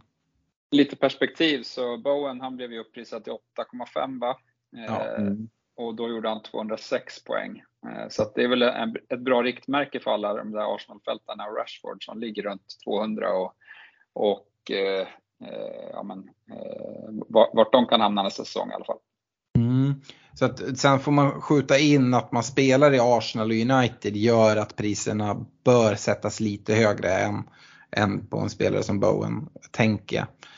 Uh, men ja, vi, vi, får se. Det var ju konstigt det där de prisade ju så jäkla många mittfältare 8,0, det vet jag vi pratade mm. om när vi satte igång. Och sen så fick Bowen 8,5 av någon konstig anledning. Jag kunde liksom inte se vad det berodde på. Men äh, Ja, är det, man undrar, man skulle, man skulle vilja vara med när de prissätter och för att ibland brukar de vara riktigt, riktigt snett på det. Kan väl, till säsongens flopp kan man kasta in en Mason Mount som tog 72 pinnar. Det är faktiskt lite sämre än, än eh, Son Ja, det eh, där. Ja, Men när jag tänker på 8,0 fältare så, så kom hans eh, namn upp i, i minnet. Ja. Han faktiskt var, var där när säsongen drog igång. verkligen. Eh, mm, eh, på, på forwardsidan så är det ju Haaland och Kane som är liksom i en klass för sig. Uh, Haaland 272 poäng sin debutsäsong i Premier League, snittar 7,8 poäng per match. Eh, Kane 263 poäng. Eh, och sen får man hoppa ner till eh, speltorsken, Ivan Tony. 182 poäng tar han. Och ja, där är också en sån där, han kommer ju han kommer ju stiga hur mycket i värde som helst nästa säsong. Eh, skulle jag tro. Det är ju ingen som kommer starta med honom, han är ju avstängd. Men sen så lär ju folk byta in honom. Vi får se hur han prissätts. Han behöver ju prissättas så som om han skulle vara tillgänglig i Game Week 1. För att prissätter de honom jättebilligt då kommer, han, kommer ju alla plocka in honom när, när han väl är åter. Eller vad tänker jag fel här Stefan? Nej, det borde väl vara rimligast att prissätta honom eh, som att han vore tillgänglig eh, med de preferenserna för att det blir väldigt konstigt annars. Mm. Eh, kan jag tycka. Sen, sen kan väl jag tro att eh, det kan vara rätt svårt att komma tillbaka och hitta form när man har varit avstängd så pass länge så att eh, jag- jag förväntar mig inte att han bara öser in mål första månaden när han, när han är tillbaka i spel sen. Nej. Eh, Bakom Haaland och Kane är det ju som sagt Tony. Följt utav Watkins, Wilson och Embuemo som letar sig in på en sjätte plats. Så att både Tony och Embuemo är med där i, i topp 6. Det säger ändå någonting om, om Brentford. Ja, och om Ja. övriga anfallare. ja, kanske lite så. Eh, Men, men Ollie Watkins eh, tycker jag väl ska nämnas för att eh, Mm. han under Emery eh, fick en jäkla spurt där. Eh, han bör prisas upp eh, rent spontant. Eh, skulle Mm. nog kunna pusha 200 200-strecket eh, om, om Villa fortsätter utvecklas i, i rätt riktning. Mm. Ja, jo, verkligen. Får vi se här också. United är ett sånt lag som, som söker efter en anfallare. Eh, så se vem som kommer in där. Uh, har ju, har ju inte så många anfallare som, det är Martial som tar mest poäng utav Uniteds anfallare. Eh, som pris, alltså står som anfallare, han tar 66 poäng den, här, den här säsongen. Så att där förväntar jag mig att det kommer ligga prioritet att, att plocka in någon och se vad det för, blir för prissättning där. Ja. Finns det någon risk att Rashford blir omklassificerad till anfallare? Jag tycker inte det. Eh, att det borde göra det sett till hur de har gjort tidigare. Jag tänker Diogo Jota där, lite samma. Mm, Centralt. mm, Ja, det avgörs ju hur många minuter han har som forward och hur många minuter han har som ytterforward. Eh, mm. Och det har inte jag så bra koll på. Nej, men han har ju utgått mest från kanten under säsong. Eh, det har han. Sen har man ju snarare i sådana fall spelat med, med en, en falsk nia. Sen vissa matcher har han startat uppe men allra flest har han utgått från kant. Eh, så att, eh, ja, eh, jag, hoppas inte att de, de klassar om honom. Om honom. Dessutom om det är så som jag förväntar mig, United kommer värva en nia för att tanken är att Rashford ska utgå från, från vänsterkanten. Det är jag rätt övertygad om att Ten Hag vill göra. Så ja, Sen finns det ju ett gäng intressanta mittfältare. Eh, hur, man, hur de prissätts nästa säsong. Ja. Till exempel en Jesus eh, som var skadad mycket. anfallare menar du? Ja, anfallare. Eh, Mitrovic eh, med sin eh, monsteravstängning. Eh, Och eh, ja, men Alvarez. Hur mycket speltid får han? Och vad kommer han kosta? Det är inte så att De Bruyne blir, blir yngre direkt. Mm. Och sen har vi ju även, även Darwin i, i Liverpool, eh, 100 pinnar bara. Eh, Hur, hur billigt ska de sätta honom på? Eh, Och ja, men Isak som kommer in eh, i januari eh, Mm. och plockar 100 pinnar. Mm. Så det, Ja, det känns, eh, känns som att det finns många, många anfallare som inte liksom fick hela säsonger här som, som kan vara väldigt intressanta. Ja, precis. Ja, men prissättningen blir ju, blir ju jätteintressant. Se, se hur de också sätter Wilson och Isak i förhållande till varandra. Tror ni att de lägger, lägger in dem på samma pris eller? Jag vet inte, Isak borde väl vara dyrare egentligen. Eh, kan, jag, kan jag tycka. Jag tror, jag tror de kommer ligga 7,5 båda två faktiskt. Mm. Ja, Ja det är intressant. Jag är väl mest nyfiken egentligen av de du nämner på, på Darwin Nunez, vart de prissätter honom. Jag har känt så hela säsongen, jag satt ju med honom länge, att liksom eh, det är en spelare som helt plötsligt bara kan komma iväg med 20 poäng i en omgång. Uh, och som sagt, första säsongen, Håland har visat att det behöver inte vara ett problem. Men jag förväntar mig att vi kommer se en uh, betydligt bättre säsong. Dels från Liverpool i stort som jag varit inne på, men också från Darwin Nunez. Vad, vad säger du Fredrik? Uh, Darwin Nunez, han ska ta några kliv till va? Antar jag att du hoppas på, men också kanske förväntar dig. Ja men verkligen och det handlar ju väldigt mycket om effektivitet för att kommer till lägen har han ju gjort mer eller mindre hela säsongen när han har spelat. Mm. Så ja, men lite mer kliniska avslut där, då, då kan det ja, men han kan ju i alla fall lätt dubbla sin poängskörd eh, och mer till säkert om det vill sig riktigt väl. Eh, så jag tänker att, eh, ja, beroende lite på hur, hur man tänker fronttrean där, men jag utgår från att han är det givna valet i mitten så länge han är hel och liksom levererar någorlunda. Eh, får han då ha en hel Sala och en hel Luis Diaz runt omkring sig, då skulle det mycket väl kunna bli, bli roligt framåt för Liverpool. Mm. Eh, å andra sidan tycker jag att Gapko har varit oerhört nyttig för er här, här mm. i slutet. Så det blir intressant att se lite vad, vad Klopp ska hitta för roll där. För han har ju lite tagit över Firmino-rollen känns ja, det som. Verkligen. Eh, och det, det, den behärskar ju inte Darwin Nunez på det sättet. Så. det är en eh, annan det, typ av spelare. Ja, verkligen. Finns ju en idé om att spela ett 4-2-3-1 eh, med, med Gapko i, i nästan nummer 10-rollen då. Mm. Eh, också. Eh, kan det lite väl offensivviktat kanske. Vi får se. Eh, det, det, är ju angenäma problem men det ska bli, som du är inne på, väldigt intressant mm. att se hur, hur Klopp löser det. Mm. Lotta ska väl tillbaka på mittfältet också tänker jag. Ja, det måste inte... han göra. Ja, ja, annars får jag fan psykbryt alltså. Hatar den jävla upp, uppgraderingen. Forwards, vad var han, 8,5? Apropå ja. den, typ de sämsta prissättningarna någonsin. Ja. Nice, förbannad alltså. Sen ja, har väl, ja, Darwin har väl gjort mest, eh, mest minuter som central forward ändå. För att det var ju ett tag han spelade vänster forward där när när, eh, ja, men jag vet inte vem det var som spelade striker då, om det var Firmino eller om det var någon annan. Det har du bättre koll på Fredan. Ja, men de har ju växlat lite både med Firmino, Gapko och Sala och sådär. Men, men Nunez har överlägset flest minuter i mitten ändå. Det känner jag mig trygg med. Mm. Ja. Um, årets uh, eh, FBL-överraskning då? Någon som verkligen, verkligen har stuckit ut? Uh, har ni några namn som direkt poppar upp i, i era huvuden om vi börjar med dig Fredrik? Ja, två stycken som jag tycker vinner den kategorin överlägset och det är eh, det är en, eh, en asiat och en sydamerikan. Det är Almiron och Mitoma. Eh, och kanske med, med varsin del av säsongen då. Där, där Almiron plockar hösten och, och Mitoma plockar våren. sett till liksom att det, den ena trodde jag inte kunde göra mål, den andra visste jag inte ens existera och så klev de in fullständigt ägde i alla fall Almiron, Mitoma kanske man hypar lite väl mycket nu men jag skulle säga att Mitoma, det var ju inte så att han satte, Almiron satte ju verkligen allt, alla lägen han kom till. Mitoma har ju missat en hel del så där finns det ju fortfarande liksom mer att ta av är ju känslan. Eh, så jag tycker att båda de är liksom välförtjänta högst upp på den, den prispallen i min värld i alla fall. Mm. Stefan, vill du skjuta till någon där?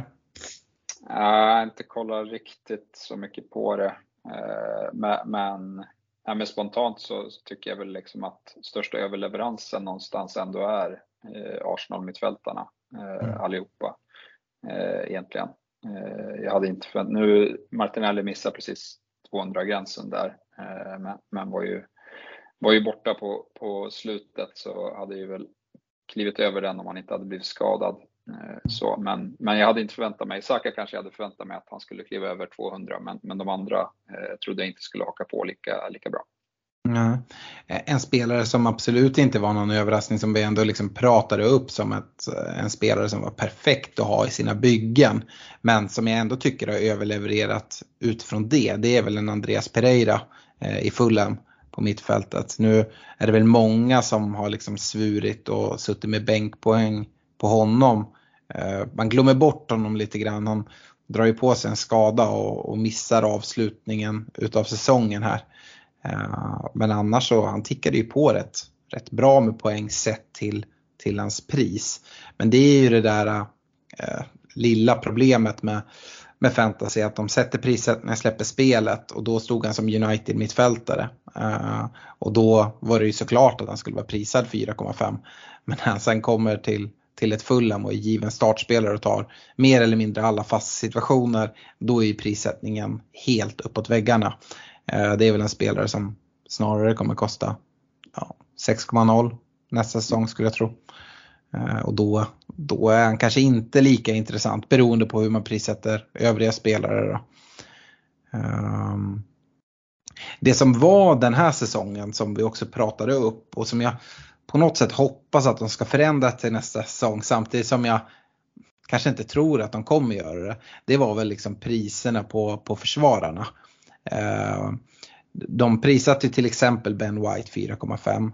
Eh, och liksom kan man få en ordinarie Arsenal-försvarare för 4,5 det gör ju att det här man har sett från tidigare säsonger där man var, ner, var tvungen att vara nere och gräva i de, de lag som ja, nykomlingar och eh, Eh, ja, men, lag som man förväntas skulle slåss om liksom, eh, åka ur och försöka hitta liksom, billiga spelare där. Det försvann ju helt när man kan välja ja, men förväntade topplags eh, ordinarie försvarare till 4,5.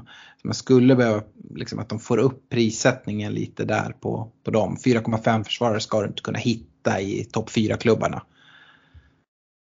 Jag håller med där. Det, det enda liksom som stack ut då som vi fick gräva i, det var ju Nico Williams som sen, likt Andreas Pereira, gick från en toppklubb till, mm. till liksom en, en, eh, en nykomling eller en sämre klubb och, och och på så sätt kunde det bli en spelande 4,0 back. Men annars så, så pajade det. Det var inte jättehett att, att spela backar i Leeds direkt. Det, det, kanske inte ska vara men det förstörde ju den typen av liksom, eh, alternativ helt. Ja. Ja. ja. men vi, vi är väl tillräckligt insatta för att tycka att det, det är kul när det blir lite svårare. Eh, mm. så, men, men jag, jag, är helt med på att eh, liksom, topplagens backar ska minst kosta 5 miljoner om de är, om de är liksom hyfsat ordinarie. Det, mm. det tycker jag. Mm. Uh, men om vi kollar på omvänt då, årets FBL-besvikelse. Stefan, du har redan varit inne på, på en sån som, som bör nämnas där. Ja, Son och även Mount. Det finns säkert mm. jättemånga man glömmer, men, men liksom det är också orättvist med, med folk som, som har varit mycket skadade för att det, det är klart att det påverkar. Ja. Uh, men, men, nej, det är väl uh, jag hade förväntat mig extremt mycket mer av Liverpools försvarsspel, av Chelsea som klubb eh, och av Son som spelare. Det är väl de liksom eh, stora grejerna som, som jag tycker eh, sticker ut. Ja. Eh, en spelare som definitivt ska nämnas som årets FBL-besvikelse det är ju Cancelo. Eh, som försvinner här halvvägs ur, ur säsongen. Men eh, alltså det, det var också en enorm besvikelse. Och, och samma en spelare som pratades upp jättemycket inför säsongen som kom som som nyförvärv eh, i Ivan Perisic i Spurs som ja, har en rätt usel säsong eh, tycker jag. Vad, vad säger du Fredrik? Ja, nej, men vi kan väl summera det med att premiumbackarna svek. Mm. Förutom Trippier. Han är liksom the standout men i övrigt så, så var verkligen det här inte premiumbackarnas eh, säsong. Eh, och, och, ja, det är många som ska nämnas där alltså. alltså mm. Men de, de, är ett, de är en rejäl samling eh, som av olika anledningar inte har presterat. Eh, och, ja, det blir ju spännande att se om man är tillbaka i den där tunga jävla båten, baklastade båten, även inför nästa säsong. För vi vet ju att det ser ju ofta så nice ut. Eh, att trycka i ordning ett bygge, när man sitter där när spelet har släppts. Man får in ganska fina spelare. Liksom. Du kan dubbla upp med Chilwell och James, kan ha en Trent där, plocka in en liten Trippier. Och så. Ja, det, det, ser ju liksom smaskigt ut, det är bara frågan hur, hur, hur gott det egentligen smakar. Mm. Det beror ju mycket på prissättning skulle jag säga. Men jag Ja. vet, alltså kollar jag tillbaka till mitt Game Week 1-lag då har jag Cancelo, Trent, Robertson, Gabriel som en Mm. fyrbackslinje. Eh, och som en Nico Williams eh, på bänken. Det är, det är mycket pengar det- som trycks in där. Så äh, det, det är lurigt. Man kommer säkert gå på massa minor även i början av nästa säsong. Ja, och samtidigt det finns ju uppsida på de här. Det är ju inte omöjligt att de, ett par stycken av de här, ganska många, de höjer sig till nästa säsong. Vi kanske sitter och summerar säsongen 23-24 och bara det här var premiumbackarnas år. När Trent Robertson eh, liksom gjorde en riktig comeback, Trippier fortsatte, eh, Reece James och Chilwell fick vara ja, i alla fall någorlunda skadefria och Pochettino bara fick tokutväxling. Eh, alltså Luke Shaw bara fortsätter att mata. Det, det skulle ju kunna bli Alltså det finns potential, det är inte för inte som vi har suttit med de här gubbarna i byggena. Så att potentialen finns ju ändå där och sett till priserna, sett till mittfältare så det är därför man också blickar mot de här premiumbackarna för 5,5 för du får fan ingen premiummittfältare för 5,5. Ja det skulle vara de här Brighton-fältarna, men det är ju ett, minne blott nu när säsongen är över. Liksom. Ja. Eh, Fredrik, har du någon annan så här kategori eller någon spelare som du vill lyfta fram när vi lite ser över säsongen som har varit? Ja men det är väl lite årets snegunga kanske. Vem har man hamnat mest liksom fel på? Eh, och ja, jag tycker det är svårt att utse, men jag ska lobba upp i alla fall en bubblare och det tycker jag är Jack Grealish.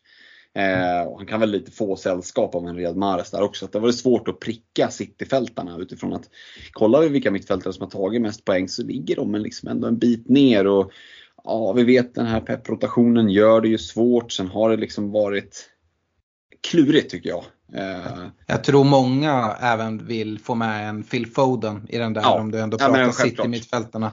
Eh, jag tycker att jag hamnade ganska rätt på både Foden och Mahrez eh, stora delar utav säsongen. Men det är ju folk som helt tappade. Vi satt väl där allihop och njöt över Foden när vi var nere i Milano tänker jag. mm. Det Och det var ju där omkring som det var någon som hoppade på honom direkt efter och liksom eh, hade helt bedrövliga tider med honom.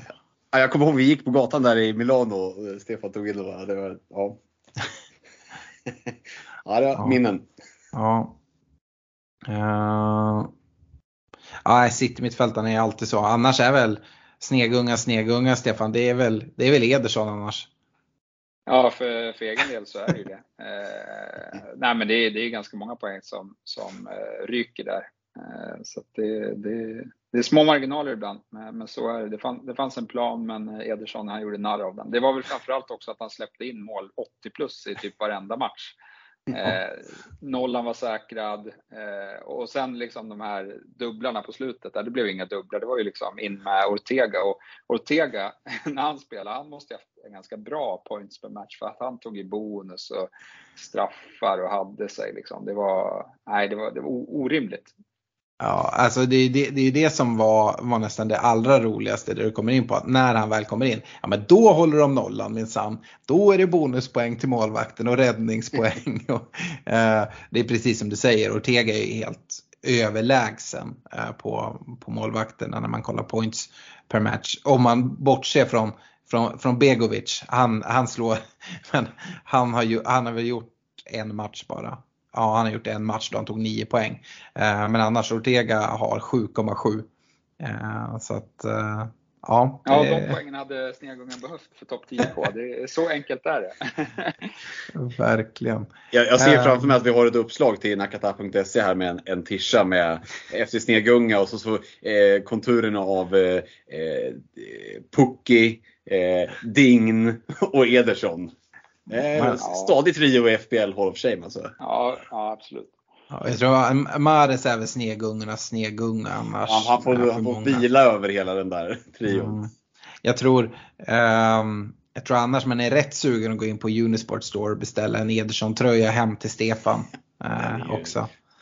Eh, bara som liksom remember, så här, Snegungan legend. Ja, nej, men jag är ju som sagt inte, inte så besviken med säsongen. Så, Nej. men men eh, nej, det hade ju såklart varit nice med, med topp 10. Ja. Eh, säsongen 23-24 tänker vi väl allihop att vi ska smita in på 10K va? Ja, Kanske till och med jag- vinna hela alltet. Får jag en sista sak bara hylla Ja. Alex? Eh, för egen del, som hade en så fruktansvärt dålig säsong rent poängmässigt och sådär. Så måste jag säga att en av de stora höjdpunkterna, eller två av de stora höjdpunkterna var ju dels eventet som vi hade och poddresan. Kan inte hylla det tillräckligt och inför nästa säsong pusha för. Det är klart att vi kommer att styra upp event, det är klart att vi kommer att styra en poddresa. Och ja, ni som vilade på hanen med poddresan, biljetterna tog slut, eh, det var lapp på luckan. Eh, de som ville haka på i slutet kom inte med därför att biljetterna var slut. Biljettpriserna har ju en tendens att sticka. Det är därför vi bara kan ha ett visst antal platser. Så att se för fan till att boka med er på poddresan tidigt för att nu har vi bevisat det två säsonger eh, i rad här. Att det, det är ju eh, ja, men det är succé garanterat. Ja, och vi, som sagt vi har redan lite planer som vi, vi klurar Mm. på och jag tror Jajamän. lyckas vi få till det här så kommer årets poddresa bli eh, ja, men vassare än någonsin tror jag. Kan ju vara så Eh. att podden måste åka och reka lite då också, eller hur? Precis. Eh, först, en, först en rekaresa för att stämma av allting. Eh, men säsongen 23-24. Jag tänkte se till att plocka hem hela eh, FPL nästa säsong. Ehm, och eh, spelschemat släpps ju 15 juni. Eh, och redan då börjar man ju kolla både för vad eventuell poddresa men också vilka lagare som har, har bäst scheman. Eh, sen brukar ju FPL, det brukar komma tidigare och tidigare varje år. Jag vet inte om det kan komma så mycket tidigare. Förra året tror jag att det var 5 juli som spelet släpptes. Eh, men då var det ju också ett VM som var inklämt. Jag ser oerhört mycket fram emot säsong 23-24 där vi inte har någon pandemi som stökar. Vi har inte ett VM som ligger i någon, något arabland i eh, vid jul och som liksom ställer till allting och de tvingar att kasta sig in massa extra chips och sånt där. Jag vill ha en helt jävla vanlig säsong. Är det, är det för mycket begärt, Stefan? Eh, nej men det ska faktiskt bli nice. Eh, jag, hade bra, jag hade bra momentum innan VM och sen när man kom tillbaka efter VM så bara sjönk man som en jävla sten. Eh, eh, så så det, var väl, eh, det var väl lite baksmällan efter VM där kanske, jag vet inte. Eh, nej men det ska bli nice. Det ska bli, man ser, nu, nu ska det bli nice med någon veckas ledigt från, från FBL. Eh, men, jag vet ju att när, spelschemat, eller när, när spelschemat släpps då är man ju full gång igen. Liksom. Då bara sitter man ju och räknar dagarna tills, eh, tills spelet ska, ska släppas. Ja. Eh, Fredrik, eh, de har väl flaggat upp lite från, från eh, HK i, i, i England att Mhm. det ska ske en del stora förändringar i FBL. Eh, jag som eh, gammal, gammal UV som har spelat sedan 08-09 eh, säsongen eh, är inte jättesugen på jättestora förändringar. Eh, har du hängt med något i liksom, hur folk spekulerar i vad det kan röra sig om för förändringar och är du mer, mer öppen än vad jag är till att liksom kasta om och göra stora förändringar i spelet? Mm. Ja, stora vet jag inte. Däremot så tycker jag att det finns utrymme för att skruva lite på chipsen. Eh, det tycker jag man kan göra. Eh, det kan bero på att jag jag har valt att, provspela i eh, Allsvenskan fantasy utan att titta på matcherna. Sådär, man har ju hört om folk som spelar FPL utan att titta på Premier League. Och tänkt att vad är det för jävla idioter som gör det? Nu provar jag att göra samma sak i, Allsvenskan fantasy. Och, det går fan rätt hyfsat alltså. Det, det blir ju som att spela Championship Manager. Jag kastas tillbaka 22 år i tiden. Championship Manager 002 där man satt och tittade på olika kommentarer och sådär. Eh, innan det fanns någon form av visualisering. Ehm, och, nej, men jag kan se framför mig att eh, chipsen skruvas på. Eh, man skulle kunna göra så att man tar bort kaptenen ur den som spelar free hit till exempel. Skulle jag tycka var en liten småkul förändring bara för att dämpa det chippet lite som är så oerhört starkt.